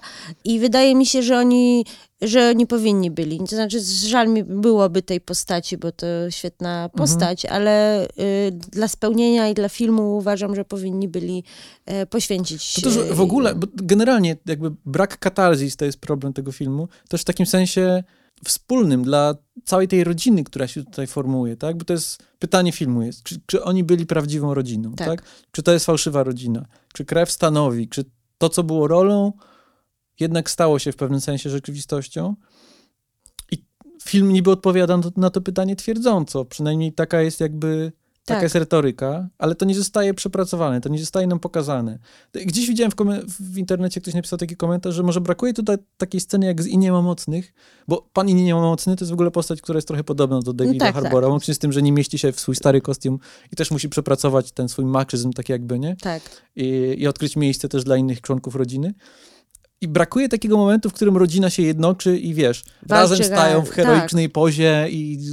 To jest to, co ja narzekałam w, a propos Strażników Galaktyki 2, mhm. że oni się rozdzielają mhm. w drugim filmie. I moim zdaniem tutaj jest dokładnie to samo. Oni się też są rozdzieleni mhm. i właściwie każdy robi coś innego i nikt nikogo nie ratuje, nikt nikogo, no tak. tam, nie, no niby Natasza ratuje Jelenę, ale mhm. to jest takie Na serio, na serio wyskakujesz z samolotu, jakby z lecącego. No dobra, dobra, dobra, dobra. Już nie, nie, nie chcę też się tu nakręcać na to, jak bardzo niefajny jest ten finał pod tym względem. Ale rzeczywiście kwestia katarzis jest, jest dosyć ważna, bo ten film właśnie e, się mówi po angielsku false flat i trochę taki jest. Bo co? No bo wiemy, że ta rodzina już się nigdy nie zjednoczy, no bo postać Scarlett Johansson Mhm. nie żyje, prawda? No, no co dalej z nimi? Nie, nie wiemy, no ten film nam nie odpowiada na Ja te film się też w dziwny sposób kończy, bo on ma jakby dwa zakończenia. Jedno zakończenie, gdzie rodzina ucieka, Scarlett zostaje, żeby skonfrontować się z S.H.I.E.L.D., I po czym mamy jest- cięcie Tak, i to też jest takie i Scarlett wsiada wybór. w samolot polecieć do Infinity War, nie? Tak, to też jest strasznie, strasznie dziwne, bo jakby o co chodzi, że dlaczego? Że co ona, co ona zrobiła? Ja rozumiem, że to miał być dowcip, prawda? Mhm. Takie, no Mhm. oczywiście, że sobie z nimi poradziła, z tym Mhm. bandą ciężarówek i tak dalej, ale z drugiej strony ona właśnie przeszła bardzo intensywną bitkę w, z tymi wdowami, jest ewidentnie bardzo ranna, spadła z jakiegoś wielkich wysokości, powinna, po pierwsze już powinna nie żyć 10 razy, ale już dobra, zostawiając to, to jeszcze nagle tak, że a, ale z tymi sobie poradzę w 5 sekund. Tym bardziej, że to jest też coś, czego brakuje tak jakby strukturalnie w tym filmie, bo ten motyw S.H.I.E.L.D. zostaje zainicjowany na samym początku, gdzie mamy Rosa ścigającego Nataszę i aż prosiłoby się, żeby to pytanie z tej sceny dostało jakąś odpowiedź. Tak. Jakby jakąś konfrontację z Rosem, która coś podsumuje. Nie ma tego. Albo chociażby nawet pokazanie, y, że ona znowu go wykiwała. Też Mhm. chcielibyśmy to zobaczyć, a nie, że Mhm. jest to nam sugerowane tylko. I, Bo i, film się musi skończyć. I też ta teza filmu, którą na końcu to chyba mówi Jelena, czy to Mhm. mówi sama Natasza, że myślała, że nie ma żadnej rodziny, a się To okazuje, na, że ma... na Natasza a się okazuje, że ma dwie rodziny, tak? Tak. Jedną z nich jest Avengers. To ten wątek Avengers jako rodziny nie zostaje też w tym filmie przeprowadzony. A tak jak mówiłem wcześniej, to trochę było pytanie tego filmu. Jakby ten film Tak. miał podbudować tę rodzinność Nataszy Z Avengersami, tak. mm, dla Endgame, na Tak. korzyść end, Endgame. No i tego też trochę w tym filmie brakuje. No, ale ja mam jeszcze większy problem, który też się dokłada do tego niespełnienia tej jakby rodziny, wbrew temu, co, co film nam chce powiedzieć. To jest problem z postacią Meliny.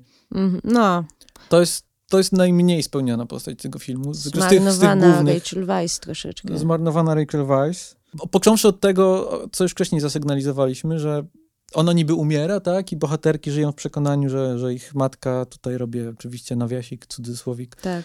nie Wiesz żyje. Ja to na- nie jest nam powiedziane. Ja nawet nawiążę do tej pierwszej sceny, do pierwszego posiłku, gdzie się okazuje, że muszą uciekać. Mhm. I tam jest taki mini, mini scenka, gdzie Rachel Weisz mówi do małej Nataszy, przepraszam. Mhm. I to jest też taka scena, że tak widać, że one mają jakieś porozumienie i to po- porozumienie potem nie jest wygrane, bo one niby i przez ten podwójny twist, to znaczy to jest postać, która poległa na, na tym, że musimy mieć twist Tak. zabawny, Mhm. bo my nie widzimy jej przemiany. Tak, bo jej przemiana zostaje ukryta w tym twiście. Tak ukryta jakby, w tym twiście, raz, a dwa, że my absolutnie nawet nie wiemy, czy, czy ona w ogóle była dobra, czy zła. Tak, no ja mam tak, że ja odbieram bardzo sprzeczne sygnały od tego, jak ta postać jest pokazana. Tak, Bo z jednej strony to otwarcie sugeruje nam, że jednak jest dobrą, kochającą matką. tak. Po czym sposób, w jaki ta postać jest prowadzona powtórnie, z tymi Pokazuje- świnkami. znęca się nad, nad świnią, to bardzo jest nietrafiona To moim jest zdaniem nietrafione, tonacyjnie scena, bo tak. to jest wygrane dla żartu w ogóle. Tak, Ale to, to ustawia tę Melinę jako jakąś taką autystyczną socjopatkę, albo, tak. albo kogoś w rodzaju doktora Mengele niemalże. Tak, Co prawda nieświadomego, bo ona jakby tutaj jest pokazane, że ona jest naiwna, czy może jest hipokrytką, czy może, Tak. czy może jest tchórzem, to te, różne odpowiedzi Tak. są zasugerowane, nie, bo i jej, bo jej badanie było miały wpływ na, na to, co się działo na z to, jej co się działo z jej córkami Tak, w czerwonym pokoju, I to- kontrolę umysłu nad innymi czarnymi tak, i to by było w porządku wszystko, Mhm. gdyby ona nagle jak się dowiaduje, że jej badania wpłynęły na jej córki, gdyby ona po prostu wtedy nagle jakby widzimy, że ona się zmienia. A tak to my nie wiemy. coś- Tak, jakiejś specjalnej reakcji to nie wywołuje, raz. A dwa, że ona też do końca nie byłam przekonana. Ja wyczytałam z kolei taką opinię gdzieś w internetach, taką teorię, że ona może być po prostu sekretnym wilanem na przyszłe filmy. Mhm. I że tu jest nam niby pokazane, że ona jest taka, pomaga, pomaga, ale całe jej to podejście do zlikwidowania tego miejsca, czy do zabicia, Czyli zamiast z- podwójnego twistu to mamy jest potrójny albo twi- poczwórny. poczwórny twist, y, tylko na inny film. Mhm. No.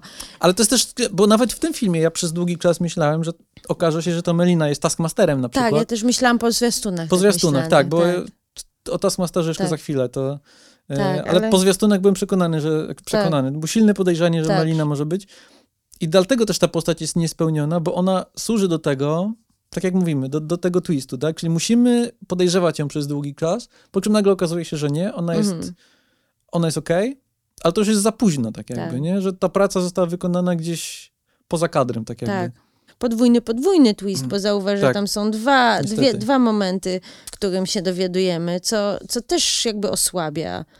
Tak, no ten, ten twist z różnych względów jest nieudany, bo raz, że on osłabia ten emocjonalny wymiar i przemiany Meliny i generalnego zjednoczenia się rodziny. Tak. I dwa, on jakby spowalnia akcję, bo te wydarzenia w, w, w czerwonym pokoju już się toczą tak jakby. Tak. I dwa razy musimy się zatrzymać, I żeby wrócić nam się w czasie. film opowiedział... Melina tak, musi nam wytłumaczyć, co się tak naprawdę wydarzyło i wtedy możemy wrócić. To z kolei, to ja też gdzieś przeczytałem w internecie, ktoś zasugerował, że ten twist może lepiej by za- zadziałał, gdyby został wygrany tak, jak to robi Steven Soderbergh w serii Oceans. Okazuje się, że gdzieś był twist i w czasie, kiedy twist jest nam tłumaczony, to jest nam pokazywane to, jak bohaterowie robią to, co Tak. jest nam tłumaczone. Tak, Więc w tak. tym sensie jakby ta część werbalna jest zarazem częścią, która jest pokazana i jakby przeżyta Tak. wizualnie. Wtedy to działa, nie? Bo jakby mamy tę frajdę. Mhm. A tutaj mamy wykład nagle w momencie, w momencie kulminacyjnym filmu musimy się zatrzymać, posłuchać, Tak. jakby stwierdzić, aha, czyli to jest zupełnie inaczej. No, nie działa to Nie niestety. działa. No dobra. Skoro twist, to, Skoro to czarne charaktery. Czarne charaktery. Ja jestem bardzo zawiedziona Taskmasterem, to już mówiłam. Okazuje się, że Taskmasterem jest e, córka Drake'owa, którą e, Natasza miała niby zamordować. Powiązanie czarnego charakteru z głównym naszym protagonistą Mhm. w jakiś emocjonalny sposób, no to to jest taki klasyczny, podręcznikowy, Mhm. scenariuszowy trik. Ale to jest kolejny czarny charakter, też mówiłam przy okazji Ant-Man Mhm. and Wasp. Kolejny czarny charakter, któremu musimy współczuć. Nie możemy po prostu go nie lubić, bo on jest zły. Przez to e, stawka jest niska. Mhm. Ja jeszcze powiem tak, że ten twist w ogóle został zaspoilerowany przez sam film, jak dla mnie. No bo dla, W tak. czołówce pojawia się nazwisko Olgi Kurylenko. Ja zauważyłem to nazwisko i sobie pomyślałem, Olga Kurylenko. Ciekawe, nikt wcześniej nie mówił, że Olga O. Kurylenko gra w tym filmie, czyli musi grać jakąś ważną postać. E, Potem się okazało, że Drake'ow miał córkę. Tak. I wtedy Łatwo było dodać dwa do dwóch i jakby przez eliminację stwierdzić, że no to musi być Taskmaster, jakby to strukturalnie Tak. po prostu aż się o to prosi. Tak, ale też nawet to, że to jest Olga Kurylenko, jak ona zdejmuje tą maskę swoją i widzimy, ja, bo ja na przykład nie zauważyłam tego w Mhm. Ona zdejmuje tą maskę i ja tak sobie pomyślałam, no i co z tego, że to jest Olga Kurylenko? Tak. To mogła być każda inna osoba, to jakby to jest coś, co nie jest absolutnie podbudowane. Bo to jest też to, o czym powiedziałeś, że tak jak mówisz, klasyczny myk, Wilan musi być emocjonalnie jakoś tu powiązany z bohaterem i ona jest tym wyrzutem sumienia dla Nataszy, tak? Tak. Natasza myśli, że ją zabiła, w rzeczywistości ją okaleczyła, Ale to też nie jest dobre. ale to dobre, w ogóle bo, nie bo- jest przepracowane w nie tym jest filmie, bo, przepracowane. bo relacja z, z Olgą Kurylenko, czy relacja z Antonią pojawia się dopiero w tym momencie. To jest, to jest trzy czwarte filmu, nawet, to nawet nie jest trzy czwarte filmu, to jest końcówka ostatni filmu. kwadrans. Tak. Więc nie jesteśmy w ogóle w stanie wykluć tego dramatu, nie? Musiałaby być jakaś scena wcześniej, która jakoś pokazuje nam jakąkolwiek relację między tymi Nawet nie postaciami. pokazują twarzy tej dziewczynki, jak ona Mhm. idzie na to w tej retrospekcji z Budapesztu, prawda? Tylko Mhm. widzimy jej stopy i plecy. Mhm. I to też jest takie, jakby okej, to jest mała dziewczynka, to nie będzie wyglądać jak Olga Kurylenko. Możecie pokazać twarz małej dziewczynki, przez co ten czyn Nataszy też będzie gorszy, jeżeli zobaczymy buzię słodkiej małej dziewczynki, prawda? Niby to ma też działać tematycznie tak, że to mogła być też Natasza. Czarny charakter jest krzywym zwierciadłem naszej protagonistki, prawda? I to też jakby widzę to, o co im chodziło. Ale Nie, no to działa jako symbol tej uprzedmiotowionej kobiety Tak. przez, przez złego patriarchę, tak? No- Dosłownie jej umysł jest kontrolowany przez niego tam na jakimś laptopie. no tak. No więc to jest, to jest duże rozczarowanie, szczególnie, że Taskmaster ma cool, e, Ma kul moce i ma kul ma wygląd. cool moce, ma cool wygląd i fajnie by było rzeczywiście go wykorzystać w jakimś mm, filmie, w którym on jest przeciwnikiem większej grupy. Właśnie, to jest też, E, bo skoro potrafi naśladować każdego z Tak. Avengers na przykład, to przydałoby się skonfrontować go z większą ilością Avengers, wtedy Tak. można było jakby wydobyć tę frajdę, bo też nie miałem takie poczucie niedosytu. Oczywiście widzimy, wyciąga łuk, ma pazury czarnej pantery, ma no tarczę tak. niby kapitan no Ameryka. No tak, ale... ale mało tego jest. To jest mało, plus naprawdę, no bo to w sumie są trzy czy cztery sceny walki z nim, mhm. właściwie cztery chyba.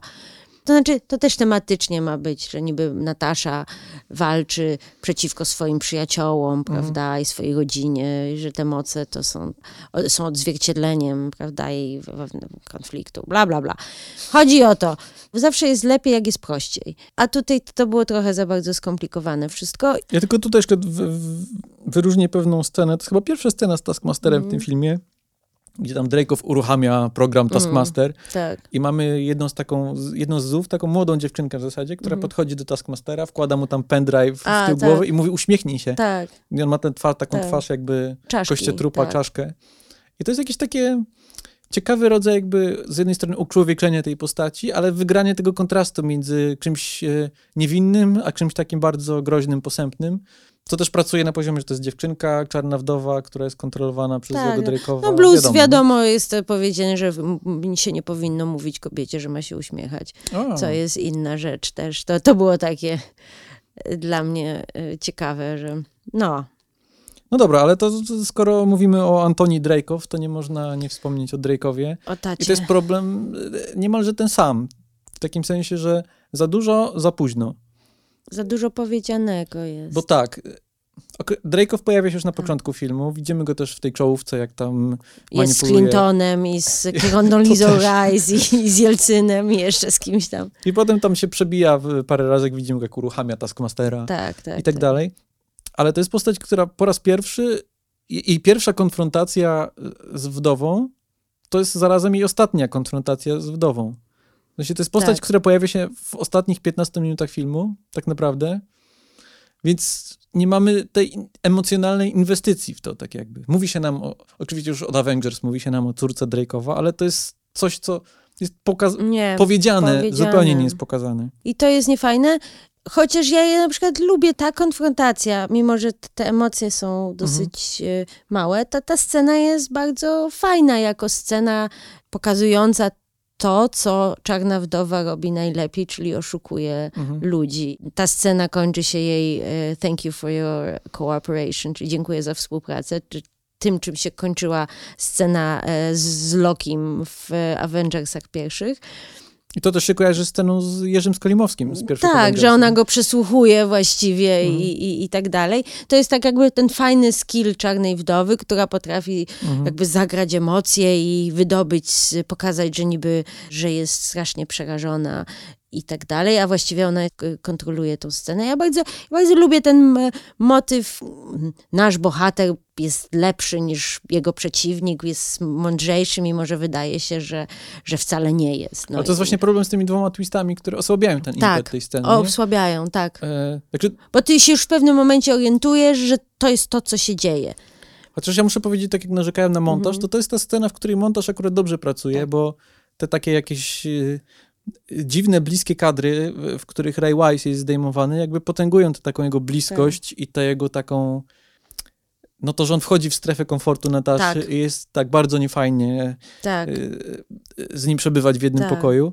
Y, no to, to już mówiłem wcześniej, że on moim zdaniem to jest bardzo, bardzo jasno upozowany na taką figurę Harvey'a Weinsteina tak, trochę. Tak, tak. E... Tak, mi, minus wiadomo te seks, seksualne nadużycia, ale nawet ten sposób, w jaki on traktuje te kobiety ten, na, na, zasadzie, że to jest mięso armatnie, że one mhm. są disposable, że za, z, nie ta, to następna. I to możesz sobie tak wyobrazić, że Harvey Weinstein tak też mógł podchodzić do, mhm. do aktorek, prawda? No dobra, nie ta, to inna, wszystko jedno. Troszeczkę a propos takiego czepialstwa, Dość nie podoba mi się to, że kiedy każda z wdów zostaje psiknięta czerwoną chmurką, to momentalnie staje się dobra.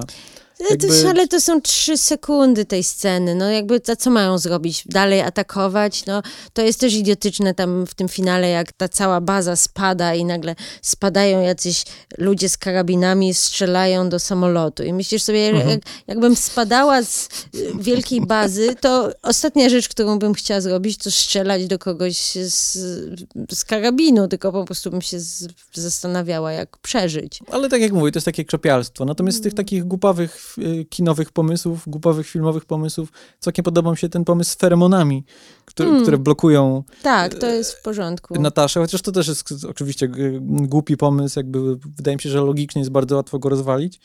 Także mi się bardzo, bardzo mi się źle patrzyło na te sceny, w których e, on bije Nataszę. Oczywiście wiadomo, że to jest potem obrócone i się okazuje, że to Natasza cały czas kontrolowała sytuację. Tak, że ona chciała, żeby on jej rozwalił ten, ten, ten nos, ten nerw, ale mhm. ponieważ on tego nie zrobił, więc ona musiała. To jest też ciekawe, że tutaj kobieta wygrywa poprzez samo okaleczenie. I nie wiem, czy to jest coś, co hmm. ma wybrzmieć w jakiś sposób tematycznie, ale nie potrafię Właśnie tego też, zinterpretować. Też, też nie jestem pewna też nie jestem pewna, czy to miało być tematycznie, czy to mhm. nie chodziło o to, że on był za słaby, więc ona musiała dokończyć robotę. A, oczywiście. No, w ten sposób. To chyba o to chodzi. Tak. Ja jedyne, co nie rozumiem, to jest ten motyw z tymi świetlikami. I to znaczy, ja wiem, że potem jest ta scena na początku otwierająca świetliki, potem są te niby te wdowy, są jak te świetliki po, tym, po tej mapie świata. No bo za prawda? dużo, co? Trochę tak, za dużo. Ale jak już masz gwizd, jak już masz upside no down, tak. jak już masz e, ból cię tylko wzmacnia, to mhm. jeszcze świetliki je, można było z jednej rzeczy zrezygnować. Mhm. Co do w ogóle pomysłu na finał i tego, że wielka stacja z nieba spada, to, to, to jest tak źle wygrane, to tak źle wygląda jakby już nie mówię o nawet CG, CGI, tylko jakby tak jako koncepcja, że no dobrze, no lecą rzeczy, to oni pierwsze to spada strasznie długo. Tak. Jak ten tor samolotowy w jednej z części tak. Szybkich i Wściekłych, który nie może się skończyć tak, w szóstej tak. części. Ja rozumiem, że tam się mnóstwo dramatycznych rzeczy musi wydarzyć w czasie tego spadania, ale z trzeciej strony... A, Bo to jest też ciekawe, te... zauważ, kiedy bohaterki już wylądują, nic na nikogo nie no, spada.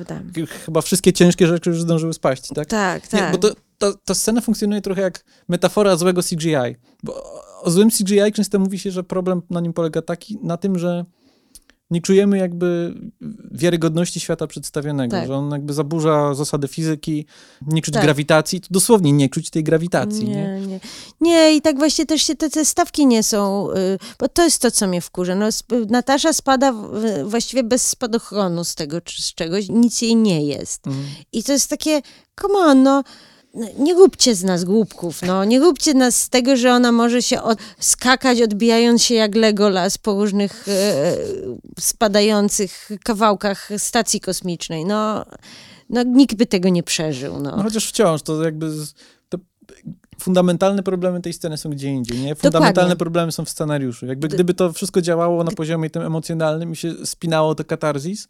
Dokładnie. To nie, nie, nie, absolutnie. Cokolwiek, tak, cokolwiek mogłoby się dziać, nie? Tak jak na przykład równie idiotyczny jest e, finał Zimowego, Zimowego żołnierza, żołnierza, łącznie z tym, że też spadają rzeczy z nieba, ale działa dużo lepiej, ponieważ mhm. jest tam emocjonalna stawka, która mhm. jest podprowadzona przez cały film.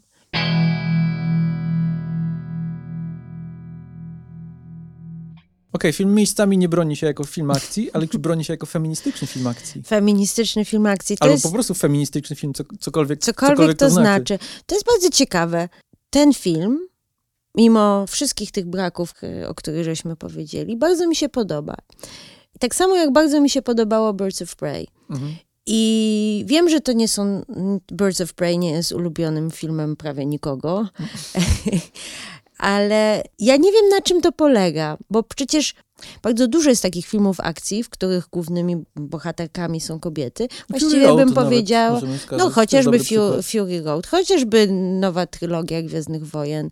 Całe, Jeszcze powiem tylko Fury, no. bo Fury Road jest ciekaw, filmem, który ciekawy się w pewnych momentach tematycznych rymuje z Czarną Wdową. Bo to jest opowieść o złej córce, która wymyka się spod wpływu złej córce. Znaczy, córce metaforycznie, która wymyka się pod wpływu złego ojca, patriarchy. Tak. I to jest opowieść o pewnej takiej przyszywanej rodzinie, która tworzy się w, w, w, opresji. Tak. Więc są jakieś takie paralele. Tak, no i plus zbawienie świata od złego ojca, prawda? Tak. Też, też no, no, bardzo się nad tym zastanawiałam. I, I przy okazji Birds of Prey, czy to jest przypadkiem podejście do postaci kobiecych. Mhm. I to nie chodzi mi o to, że one nie są seksualizowane albo są seksualizowane. I to nawet nie jest to, że to było inaczej sfilmowane. Wiem, że to jest film na pewno inny niż film no nie wiem, no chociażby Wonder Woman, która też, też w sumie została wyreżyserowana przez mhm. kobietę, ale mam wrażenie, że Wonder Woman ma dużo bardziej klasyczny taki... Wonder e... Woman jest chyba też ten problem, przynajmniej w pierwszej mhm. części. Mhm. Nie wiem, czy to jest problem. Jest to, jest to coś, co jest w tym filmie, czego nie ma w tym filmie. Mianowicie to, że tam jedyne interakcje, jakie ma Diana po opuszczeniu y, swojej magicznej wyspy, to są interakcje z mężczyznami. Że tam nie ma może to nie jest ma takich to. scen, nie? Może to jest to, że na przykład okay, potem, Prey... potem niestety wiesz, że druga, druga część, gdzie no dobra, Diana już ma relację z, z, kobietą i to, tak, to tak, tak. No nie, ale to druga część to w ogóle mhm. najlepiej, mhm. najlepiej nie wspominać o tym filmie. Ale rzeczywiście może chodzi też o to, że tak samo w Birds of Prey, tak jak i w tym filmie, że to mhm. jest właściwie film, gdzie i to nie o to mi chodzi, że mężczyźni są źli, czy mężczyźni są z boku. Po prostu mężczyźni nie są istotni. W tym sensie, że to mhm. nie jest film o kolesiach, to jest film o dziewczynach i może dlatego ja tak bardziej, bardziej się z tym łączę. Ale się zgadzam, to jest coś, co widać w tym filmie, zwłaszcza w tych scenach kamizelkowych, nie? Tak. Ja się też zastanawiam, czy jakby moja taka początkowa nie tyle niechęć, co jakby to, że ten film jakby mi nie, nie, zadzwonił tak, jak powinien, wynika po prostu z tego, że to nie są jakby moje tematy, nie? Że no, po prostu to jest coś może, czego nie jestem w stanie przeskoczyć. Aczkolwiek, żeby było jasne, jakby moja krytyka tego filmu nie jest krytyką feminizmu, jakby chcę, żeby nie, to Nie, nie, nie, no wiadomo, wiadomo, to nie jest o tak, co chodzi.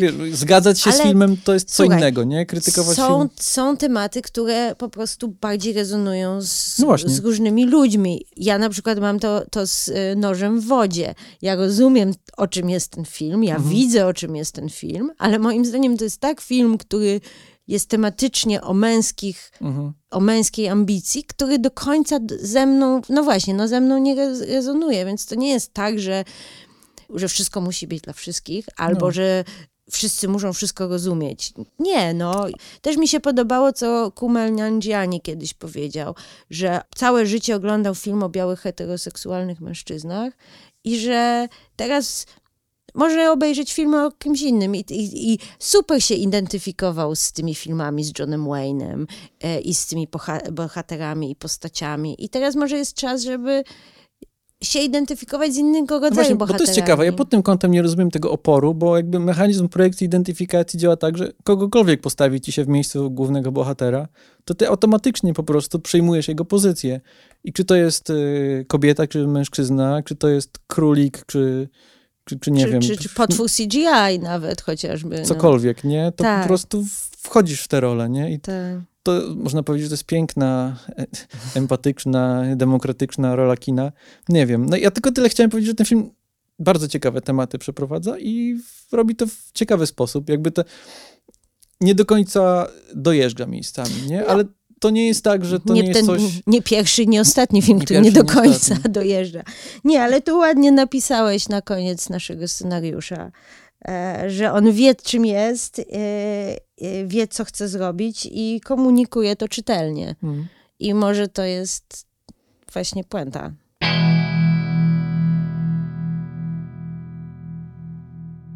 Naszą kolejną rozmowę o Marvelu chciałbym e, podsumować kolejnym zapewnieniem, że nie będziemy w tym podcaście zawsze mówili o filmach Marvela. E, Za boom, późno. Boom, w następnym odcinku rozmawiamy o Suicide Squad na przykład. No hej, wchodzi niedługo do kin, możemy porozmawiać. Wchodzi, jak nam się spodoba, albo jak nam się nie spodoba w interesujący sposób, to, to, to pewnie może, o nim porozmawiamy. Tak, tak. Jestem ciekawa, co wybierzemy, bo jeszcze właśnie żeśmy o tym nie rozmawiali. Na pewno to będzie coś, o czym warto rozmawiać.